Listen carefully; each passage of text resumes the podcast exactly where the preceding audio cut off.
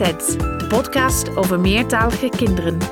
Mijn naam is Sharon Answorth, taalwetenschapper aan de Radboud Universiteit Nijmegen en moeder van twee meertalige kinderen.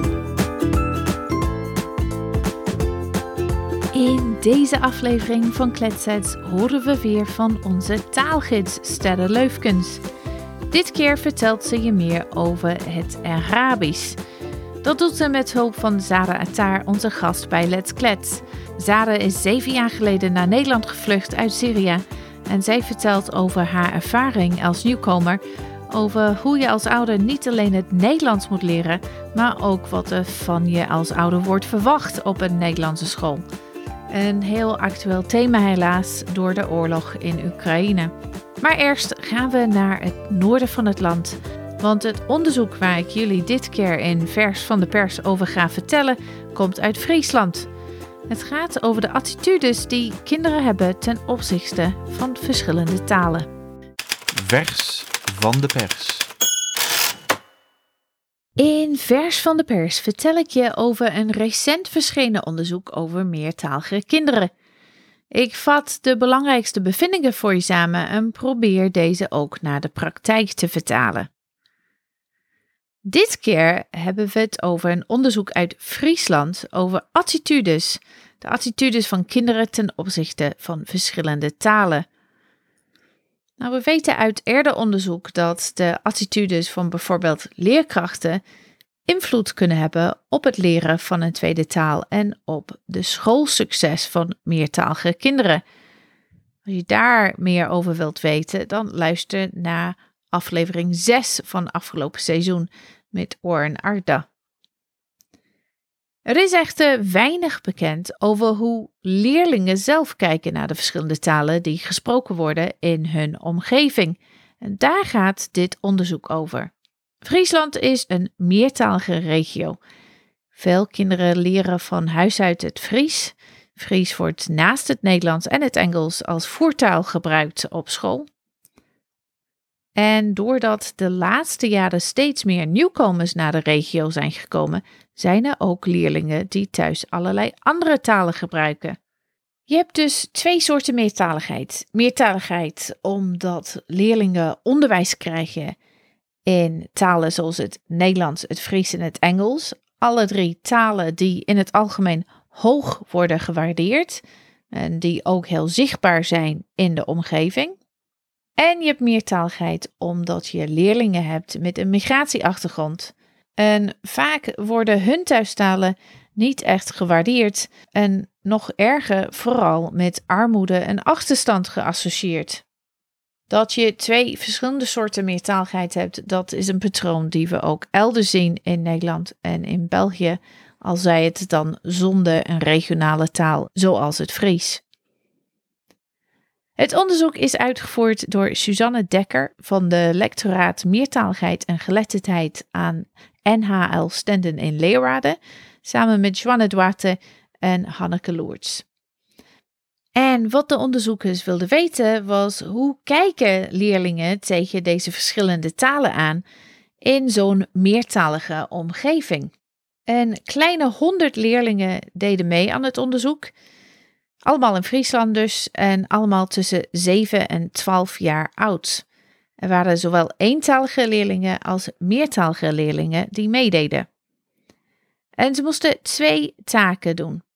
De eerste was een, een vragenlijst, dus een vragenlijst met stellingen over de talen en de sprekers van die talen. De talen waar het om ging waren Nederlands, Fries, Engels en Marokkaans-Arabisch.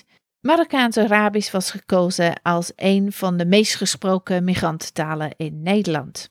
Maar het is ook een taal dat geen plek heeft in het onderwijs. Dat is anders natuurlijk voor Nederlands, Fries en Engels.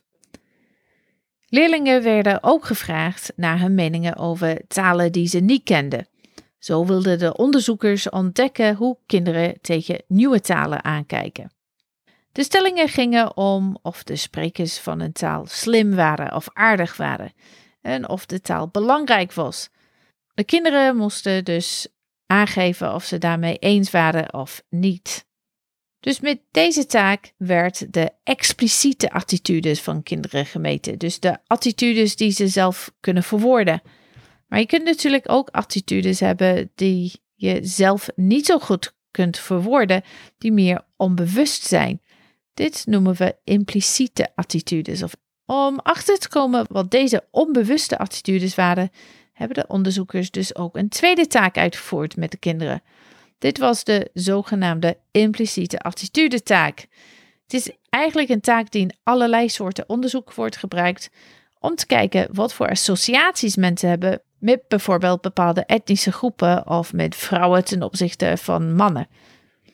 De taak is best ingewikkeld, dus ik ga hem niet helemaal uitleggen, maar het idee is dat je plaatjes of woordjes moet sorteren door op een knop te drukken. Hoe sneller je reageert op dingen die je al bekend zijn, dus ook op combinaties van dingen die voor jou intuïtief bij elkaar horen, dat zegt iets over jouw attitudes.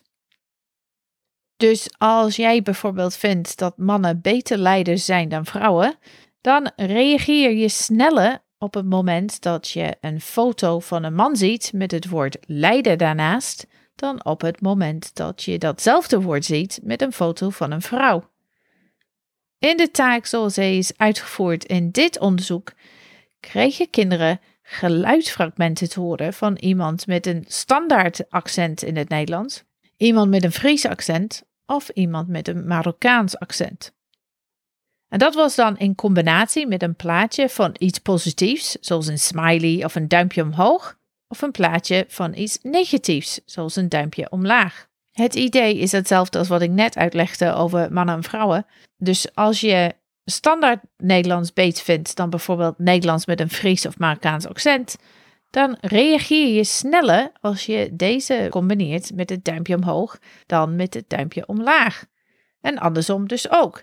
Als je Nederlands met een Fries of Marokkaans accent slechter vindt dan standaard Nederlands, reageer je sneller als je dit hoort in combinatie met het duimpje omlaag dan met het duimpje omhoog.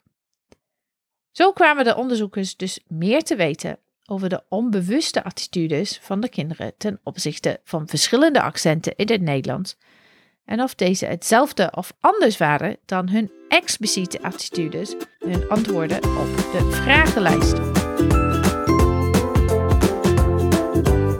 Wat hebben ze gevonden? De eerste resultaat was dat de kinderen positieve waren ten opzichte van het Nederlands, Engels en Fries, dus talen die gebruikt worden in het onderwijs, dan het Marokkaans-Arabisch en andere talen. Maar bij de meertalige leerlingen die minstens drie talen spraken, zag je dit verschil niet.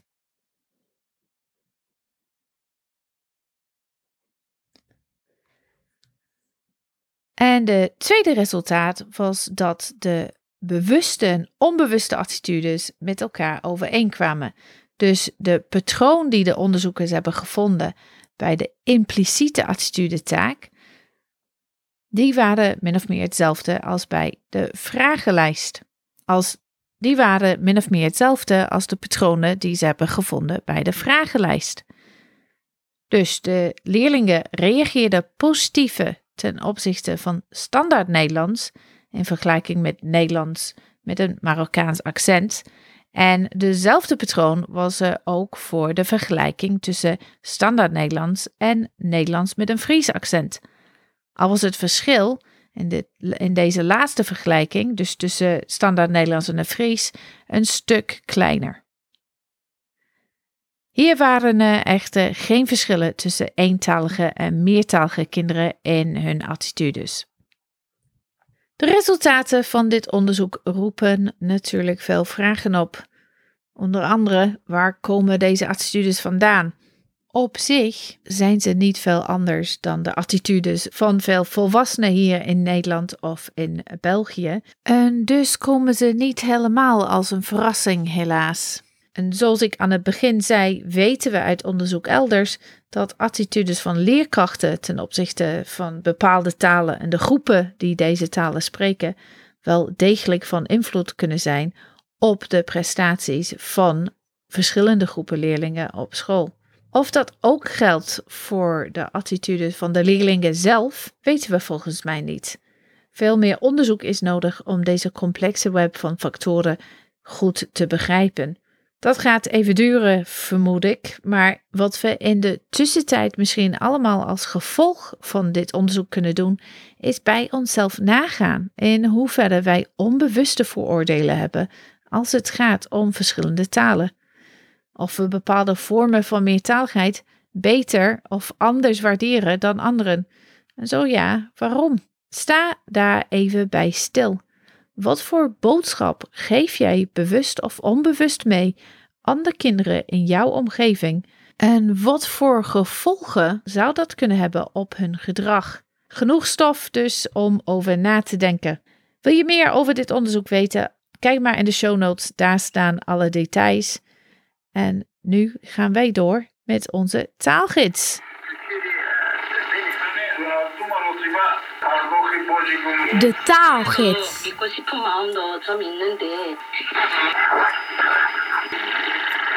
Hoi allemaal, vandaag ben ik jullie taalgids voor het Arabisch zoals dat in Syrië gesproken wordt, oftewel het Syrisch-Arabisch. Op dit moment zijn er ruim 100.000 mensen van Syrische afkomst in Nederland. De eerste Syriërs kwamen al in de jaren 60 naar Nederland, maar hun aantal is enorm gegroeid sinds 2015 vanwege de oorlog in Syrië. Het Syrisch-Arabisch is de versie van het Arabisch die in Syrië gesproken wordt. En deze taal verschilt van het Arabisch zoals dat in andere landen gesproken wordt, zoals bijvoorbeeld het Marokkaans-Arabisch, het Egyptisch-Arabisch, het Jemenitisch-Arabisch. En iemand die de ene versie van het Arabisch spreekt, kan de andere versies niet zomaar verstaan.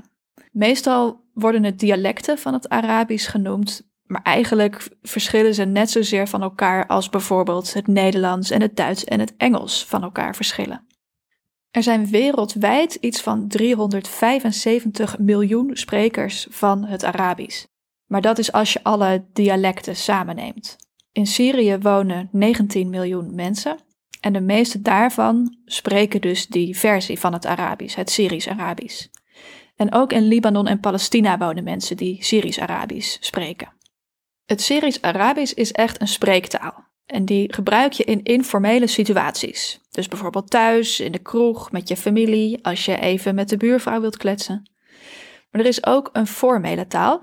Die noemen we het modern standaard Arabisch. En die gebruik je dus in formele situaties. Bijvoorbeeld in het onderwijs, in de rechtbank. De overheid gebruikt ook in zijn communicatie dat modern standaard Arabisch. En dat is ook de schrijftaal. Het modern standaard Arabisch, dat leer je op school. En dat is het geval in Syrië, maar ook in andere Arabische landen. En met die taal, met dat modern standaard Arabisch, kun je dus in de hele Arabische wereld communiceren. Iets heel bijzonders aan de Arabische talen en dialecten is hoe de woorden zijn opgebouwd. Arabische woorden hebben namelijk altijd drie medeklinkers, die noemen we de wortels, en die drukken samen een kernbetekenis uit. Een voorbeeldje, de wortels k, t en b, k, t, b, die drukken in combinatie uit dat dat woord iets met schrijven of boeken te maken heeft. De klanken om die wortels heen bepalen vervolgens de precieze betekenis. Bijvoorbeeld kataba betekent hij schreef, maar yaktabu betekent hij schrijft. En het woord kitab betekent dan weer boek. En het woord maktab betekent bureau. Dus je hoort steeds die drie medeklinkers, maar er staan steeds andere klanken omheen. En als je een woord opzoekt in een Arabisch woordenboek, dan moet je zoeken naar de goede wortel. Dus het woord maktab, bureau, staat bij de K en niet bij de M, zoals dat in een Nederlands woordenboek zou zijn. Het Syrisch-Arabisch heeft een aantal klanken die in het Nederlands helemaal niet voorkomen. En het gaat dan vooral om klanken die je diep in je keel uitspreekt. Er zijn bijvoorbeeld klanken die je maakt door de tongwortel, dus het achterste stuk van je tong, tegen de pharynx te houden. Dat is het stukje keel net boven je slokdarm. In veel talen heb je een verschil tussen enkelvoud en meervoud. Dus of je eentje van iets hebt of meer dan één. In het Nederlands kun je het bijvoorbeeld hebben over één boek, dan is het boek enkelvoud. Of je kunt het hebben over twee of meer boeken, dan gebruik je meervoud. En in het Arabisch heb je nog een optie. En die noemen we de dualis. Je hebt dan een apart achtervoegsel, een apart stukje woord, voor als je ergens precies twee van hebt. In het Nederlands hebben woorden altijd een grammaticaal geslacht. En dat betekent dat je de woorden hebt en het woorden. In het Arabisch heb je dat eigenlijk ook. Woorden zijn daar namelijk mannelijk of vrouwelijk. En er is Nederlands onderzoek dat laat zien dat kinderen met een Arabische moedertaal, die Nederlands leren, dat ze de voordeel hebben van die overeenkomst. Want zij gaan het lidwoord het in het Nederlands net wat sneller goed gebruiken dan andere kinderen die dit nog niet kennen uit hun eerste taal. Superhandig dus. Arabische talen, dus ook het Syrisch-Arabisch, hebben geen koppelwerkwoorden. Nou, ik kan me voorstellen dat je denkt: wat zijn dat ook alweer? Koppelwerkwoorden zijn woorden die het onderwerp van een zin koppelen aan een functie of een eigenschap. Bijvoorbeeld, als je in het Nederlands zegt: ik ben vrolijk, dan koppel je de eigenschap vrolijk aan jezelf. En in die zin is ben van het werkwoord zijn het koppelwerkwoord. En je kunt in het Nederlands niet zomaar zeggen ik vrolijk. Je hebt dat koppelwoord nodig. Maar in het Syrisch-Arabisch is dat juist wel wat je doet. Er is dus geen expliciet koppelwoord in het Syrisch-Arabisch. Je zegt letterlijk vertaald ik vrolijk. En ook in een zin als sterren is taalgids, zou je in het Syrisch-Arabisch zeggen sterren taalgids. Misschien heb je wel zin gekregen om zelf wat Syrisch-Arabische woorden te gebruiken. Hier komen een paar handige woorden die vast van pas gaan komen. Als je iemand begroet, dan zeg je marhaba, marhaba, marhaba. Het is ook handig om ja en nee te zeggen. Het woord voor ja in het Arabisch is e, e, e. Het woord voor nee in het Syrisch-Arabisch is la, la, la. Als je iemand wilt bedanken in het Syrisch-Arabisch, dan zeg je shukran, shukran, shukran. Dan gaan we nu tellen in het Syrisch-Arabisch. Het woord voor één is wahed, wahed, wahed. Het woord voor twee is neen, neen, Nee. Het woord voor drie is. Klate. Klate. Klate. Het Syrisch Arabisch heeft natuurlijk ook een woord voor doei. En dat klinkt zo. Salam. Salam. Salam. De taalgids.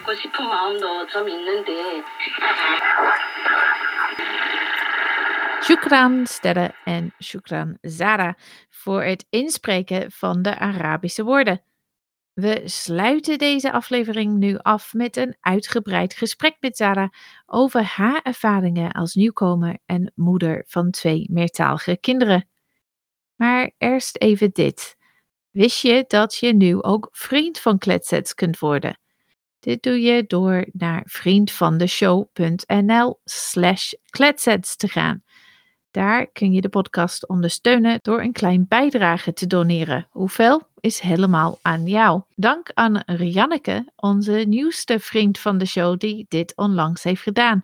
Zou jij of jouw organisatie dat ook willen doen, dan zou ik dat zeer op prijs stellen. De link staat in de show notes. Nu door met de podcast. Let's klets! Mijn naam is eh, Sarah Attar. Ik spreek Arabisch met mijn kinderen. Ik woon in Luna Antevecht. Nou, leuk om je hier op de podcast te hebben, Sarah. Wij kennen elkaar eigenlijk, hè? Want jouw kinderen, die zijn al geweest op kletsets, hè? Ze waren de kletsets van de week. Ja, dat klopt. Zijn ze terug, ja? Dus het zijn twee jongens. En hoe oud zijn ze nu? Ze zijn elf jaar oud. Elf jaar oud. Ja. Want het is een tweeling ook. Ja, inderdaad. En tweeling. Dus vandaar, eh, als ik de leeftijd noem, elke keer eh, klinkt het grappig, omdat ik zeg, ja, mijn kinderen zijn elf jaar oud. En dan wachten de mensen eh, totdat ik een andere leeftijd noem, maar dat gebeurt niet. Ja. Dus jij spreekt Arabisch met de jongens en jouw man ook? Ja, ja, mijn man spreekt ook Arabisch met mijn kinderen. Ja. Ja, want jullie komen uit Syrië. En ik weet ook dat de jongens mij hebben verteld dat ze ook Engels konden.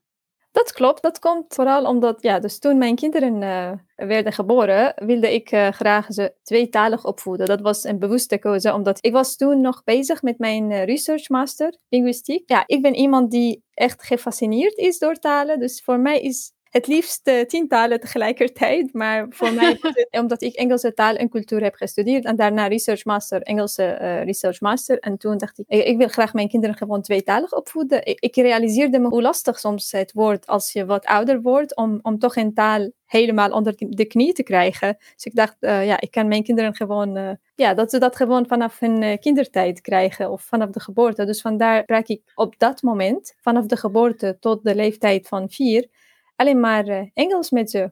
En uh, voor, met de rest van de wereld spraken ze gewoon Arabisch. Dus met mijn moeder, met, met uh, tantes, met, ja, met gewoon de rest van de wereld. Ja. ja. En ja, hoe ging het toen en hoe is het in Engels nu?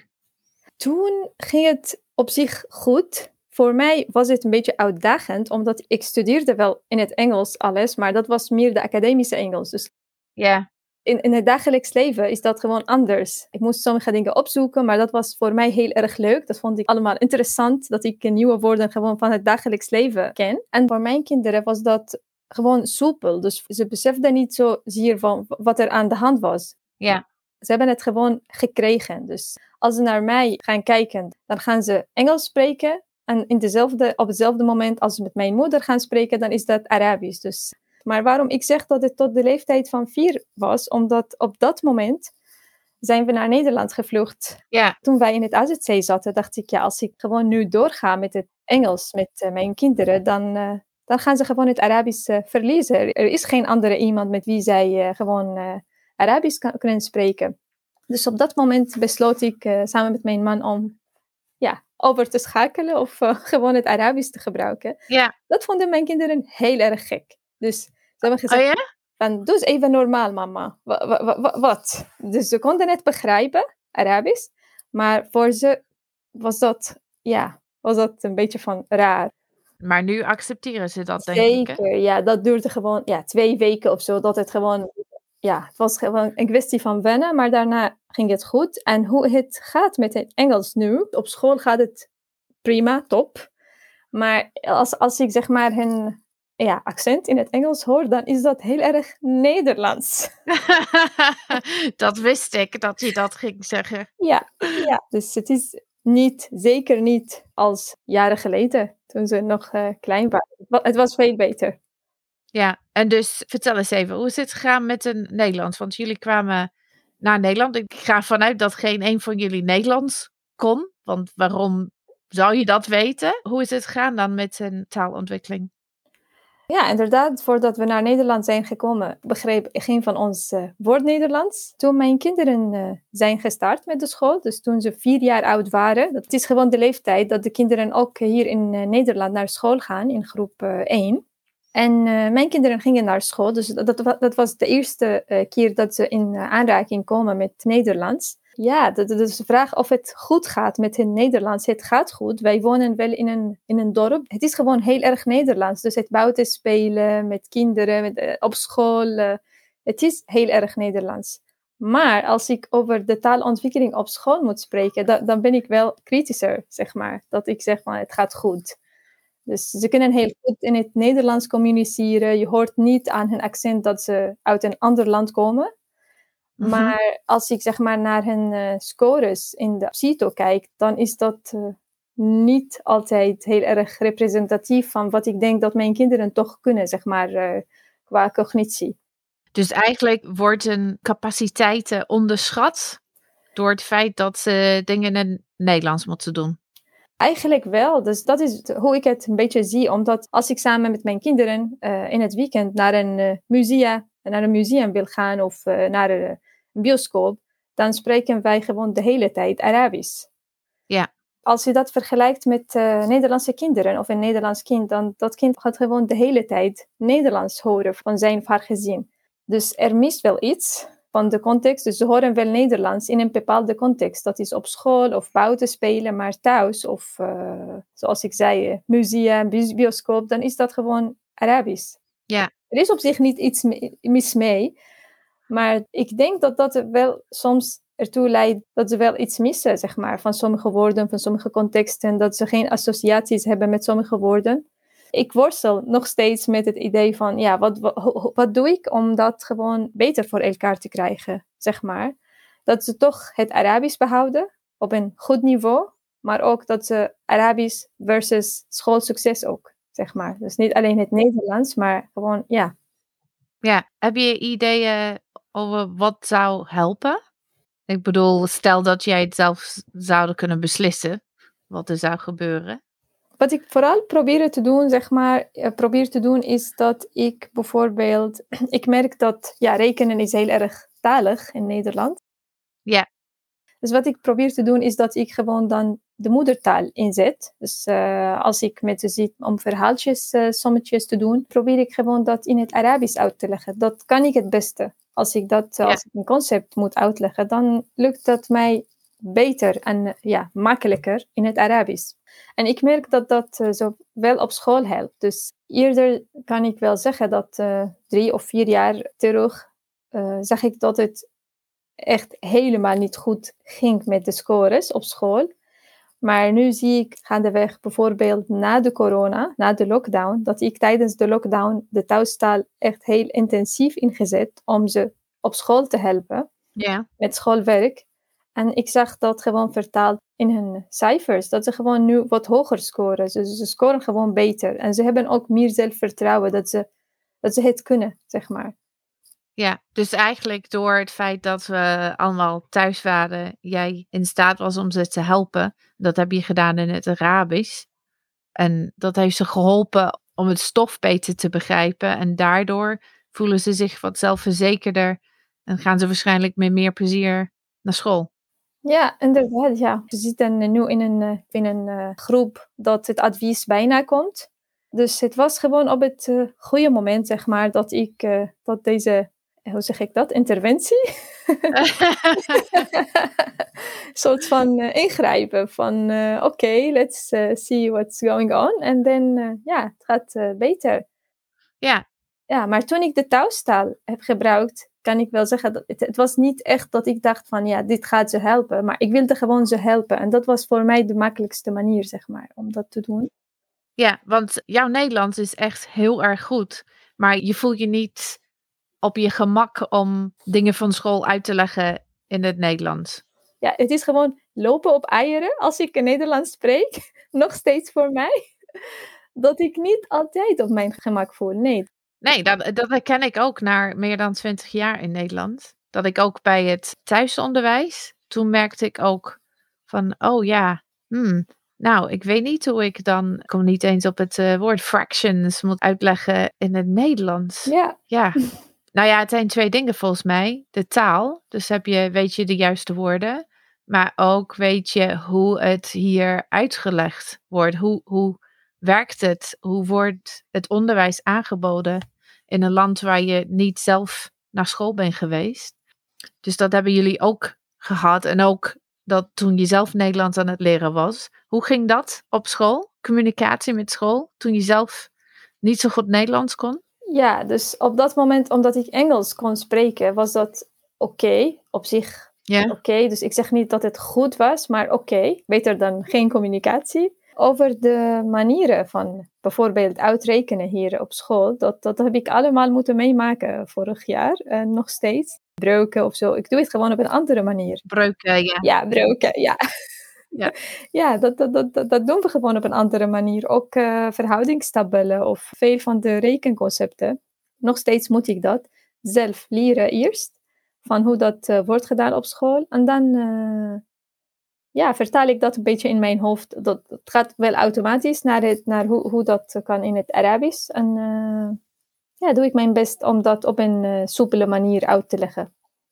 Ja, dat vind ik knap hoor, dat je dat doet. Maar ik denk ook dat ook veel Nederlandstalige ouders dit ook hebben, omdat dingen nu, anno uh, 2021, op een andere manier uitgelegd worden dan toen wij allemaal op, op school zaten. Dus dat hoor ik ook. Het is niet alleen iets van uh, meertalig zijn, maar het is ook iets van, ja, wij zijn een stuk ouder dan ons. Ja, ja. Ja, dus we hebben het over Engels gehad en over Nederlands. Maar hoe gaat het met het Arabisch van jouw zonen? Het gaat goed. Dus met lezen. Ik probeer gewoon mijn kinderen te leren lezen in het Arabisch. Dat is uh, ook uh, niet heel erg makkelijk, omdat het helemaal van rechts naar links gaat in plaats van links naar rechts. Ja. Momenteel krijgen ze online les van mijn moeder. In klassiek Arabisch. Mijn moeder was leraar, juf, op, de op, een basisschool, 30 jaar ja, ze vindt het heel erg leuk om dat uh, nog nu voor te zetten met mijn kinderen. En dat is gewoon, dat, Ja. dat, is, dat zit alleen maar in mijn voordeel. Dus ze communiceren met mijn moeder en tegelijkertijd is dat, eh, dat ze gewoon werken aan hun Arabisch. En dat vind ik heel erg belangrijk, omdat voor mij is dat gewoon, ja, hoe ze gaan communiceren. Met, ook met, met mijn ouders, met, gewoon met de wereld, met de Arabische wereld. Ze komen daar, ja, vandaan. Dus het zou heel goed zijn als ze ook kunnen lezen in het Arabisch. En niet alleen gewoon Syrisch spreken en dat is hem. Ja, en heb je tips voor andere ouders als het gaat om het leren lezen in een taal die een andere script heeft? Dus een andere manier van schrijven? Uh, don't give up. Nooit opgeven. het, is, het is moeilijk. Het is moeilijk. Er zijn momenten waarvan ik dacht, nou, uh, waarvoor doe ik dat? Of gaat dat uh, ooit lukken of zo? Maar het lukt wel. Dus nu zie ik dat mijn kinderen gewoon in het Arabisch lezen. En dit is gewoon geweldig, dat kinderen gewoon in meerdere talen kunnen lezen. Dus Engels nu, Nederlands, uh, Arabisch. Ja, fijn. Even terug naar school. Hoe, hoe kijkt de leerkracht uh, naar de meertaligheid van jouw kinderen? In het algemeen, zoals ik zei, zijn we in een heel Nederlands dorp. Dus uh, meertaligheid is niet echt iets wat echt aan de orde komt. Dus wat ik bijvoorbeeld probeer te doen, is dat mijn kind had de spreekbeurt en toen uh, heeft hij als onderwerp gekozen uh, meertaligheid. En heeft hij toen over meertaligheid gesproken, van hoeveel talen zijn er in de wereld en uh, wat is de ranking van het Arabisch, wat is de meest gesproken taal in, in de wereld.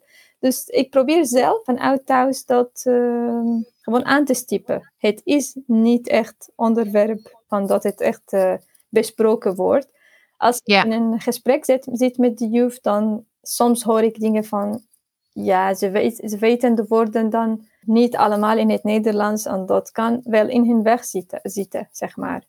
Dus het is niet echt iets dat, denk ik, dat het appreciated wordt, maar ik zit niet in hun hoofd. We hebben niet echt het gesprek hierover gehad. Ja. Zou je dat willen hebben? Ik denk het wel. Ik, denk, ik, zou, ik zou willen dat, dat, dat mijn kinderen gewoon minimaal één keer per week gewoon Arabisch les op school kunnen krijgen. Gewoon lezen of, of, of ja, het is, het is gewoon iets wat heel belangrijk is en wat heel goed kan werken ook uh, voor hun toekomst, voor de toekomst van alle kinderen die meertalig zijn. Wat zijn de grootste uitdagingen voor jou als ouder van een meertalig kind? Mijn grootste uitdaging is dat ik de drie talen, zeg maar, dat ik ook bijvoorbeeld het Engels behoud. Ik wil graag dat ze gewoon nog steeds Engels goed kunnen spreken en begrijpen. Dit gaat wel goed, maar ja, in mijn optiek is dat niet ideaal, zeg maar. Dus het kan beter. Maar ik denk dat dat nu, naarmate dat ze op school nu dat meer zullen krijgen, dat dat wel beter zou gaan. Maar ook het behouden van het Arabisch. Dus dat is iets wat ik extra doe, zeg maar. Dat is naast wat ze allemaal in het, in het Nederlands krijgen. Ja, en, en waar ben je het meest trots op? Dat mijn kinderen nu op de leeftijd van elf gewoon drie talen spreken en begrijpen. Ja, Ja. top. En heb je een tip voor bijvoorbeeld eh, leerkrachten als het gaat om omgaan met ouders zoals jij die naar Nederland komen die geen Nederlands kunnen? Ik bedoel, jij kunt Engels, maar sommige ouders die naar Nederland komen, die kunnen ook geen Engels. Ja, ja, ja, vooral dat ze in verbinding zouden moeten blijven met de, met de ouders van de kinderen zelf. Als ze denken dat de ouders niet willen communiceren met de school. Het is ook soms een beetje cultureel, dat het klinkt alsof de ouders geen uh, verbinding willen met de school. Maar dat komt vooral omdat de ouders nog niet het zelfvertrouwen hebben om dat te doen door de taal. Dus er zijn misschien Mhm. andere manieren, door in het begin met behulp van een tolk. Vooral wat ik heel uh, interessant vond, is dat sommige, uh, gewoon die juffen, die als ze gaan vergelijken tussen uh, Nederlandse ouders en ouders die uit, een, uit andere landen komen, dat, dat dus de verwachtingen veranderen. weet niet of ik dat goed verwoord, maar niet dat ik verwacht van een ouder die uit een ander land komt, dat die gewoon meteen gaat, zich gaat gedragen als een Nederlandse ouder die hier geboren en getogen is. Ja, ja. dus uh, geef de ruimte om voor de ouders ook te leren ja. hoe je je gedraagt als ouder op een Nederlandse school. Mooi, mooi, ja, ja. ja. En ik, ik zeg cultureel, omdat, ja, dus eh, waar ik vandaan kom, is dat ouders zijn minder kritisch op wat de juf zegt. Dus de school heeft een andere ranking of een andere status in het land waar ik vandaan kom. Ja, oké, dat, is een, eh, dat is een mooie tip. Heb je misschien tips voor ja, andere ouders die ook een kind meertalig opvoeden? Wat is jouw gouden tip? Uh, blijf de niet gesproken taal op school gewoon gebruiken. Dus uh, de moedertaal is echt heel erg belangrijk. Dus niet zeggen van. Je kunt als ouder snel zeg maar soms opgeven en denken van ja, het is voor de schoolsucces, voor het, voor het schoolsucces is het beter als ik Nederlands met mijn kind spreek. Maar uh, hoe groot is de kans dat het kind, dat, dat, dat, dat het kind zal helpen, gezien dat, dat wij, het is realistisch, dat wij nog steeds het Nederlands met fouten spreken. Of, het, is het, het, gaat nog niet goed, dus je wilt niet dat jouw kind de talen gaat, de, de, de fouten gaat verwerven, zeg maar, of het accent. Of... Ja, en ook denk ik, je wil ook niet dat ze jouw taal vergeten. Zeker, zeker. Dat is, ja, ja, ja. Maar ik, ik zeg dat over het schoolsucces, omdat ik, ja, veel, veel ouders, ik zelf, ik voorstel soms, ik denk, ja, ze wonen hier, ze gaan, ze gaan hier naar school, dus schoolsucces is heel erg belangrijk voor ze. Absoluut niet opgeven en niet denken van nee, dit gaat ten koste van hun schoolsucces. Ik denk juist dat omdat mijn kinderen nu gewoon Arabisch kunnen lezen en uh, goed kunnen spreken, dat dat gewoon hun meer kan helpen in hun Nederlands. Let's klets! Dankjewel Sarah voor dit openhartig en inspirerend gesprek. Wil je het gesprek met de twee jongens van Zara horen? Luister naar aflevering 8 van het eerste seizoen van Kletsets. Dat was het voor deze aflevering. Wij zijn er weer over twee weken met een aflevering over welbevinden in meertalige gezinnen. Met als gast onderzoeker Aniek de Houwe. En ik deel ook weer een klets inkoppertje. Een concrete tip die je meteen en makkelijk in kunt zetten om een succes te maken van de meertaligheid in jouw gezin, klas of praktijk. Tot dan! Wil je meer weten over Kletsets? Ga dan naar www.kletsetspodcast.nl. Daar vind je ook meer informatie over deze aflevering. Wil je geen aflevering missen? Abonneer je dan op Kletsets via je favoriete podcast-app. Kletsets vind je ook op Facebook, Twitter, Insta en LinkedIn. Onze naam uit Kletsets. Ken je iemand die de podcast misschien leuk vindt en die hem nog niet kent? Dan zou ik het heel fijn vinden als je hem zou delen. Bedankt voor het luisteren en graag tot de volgende keer.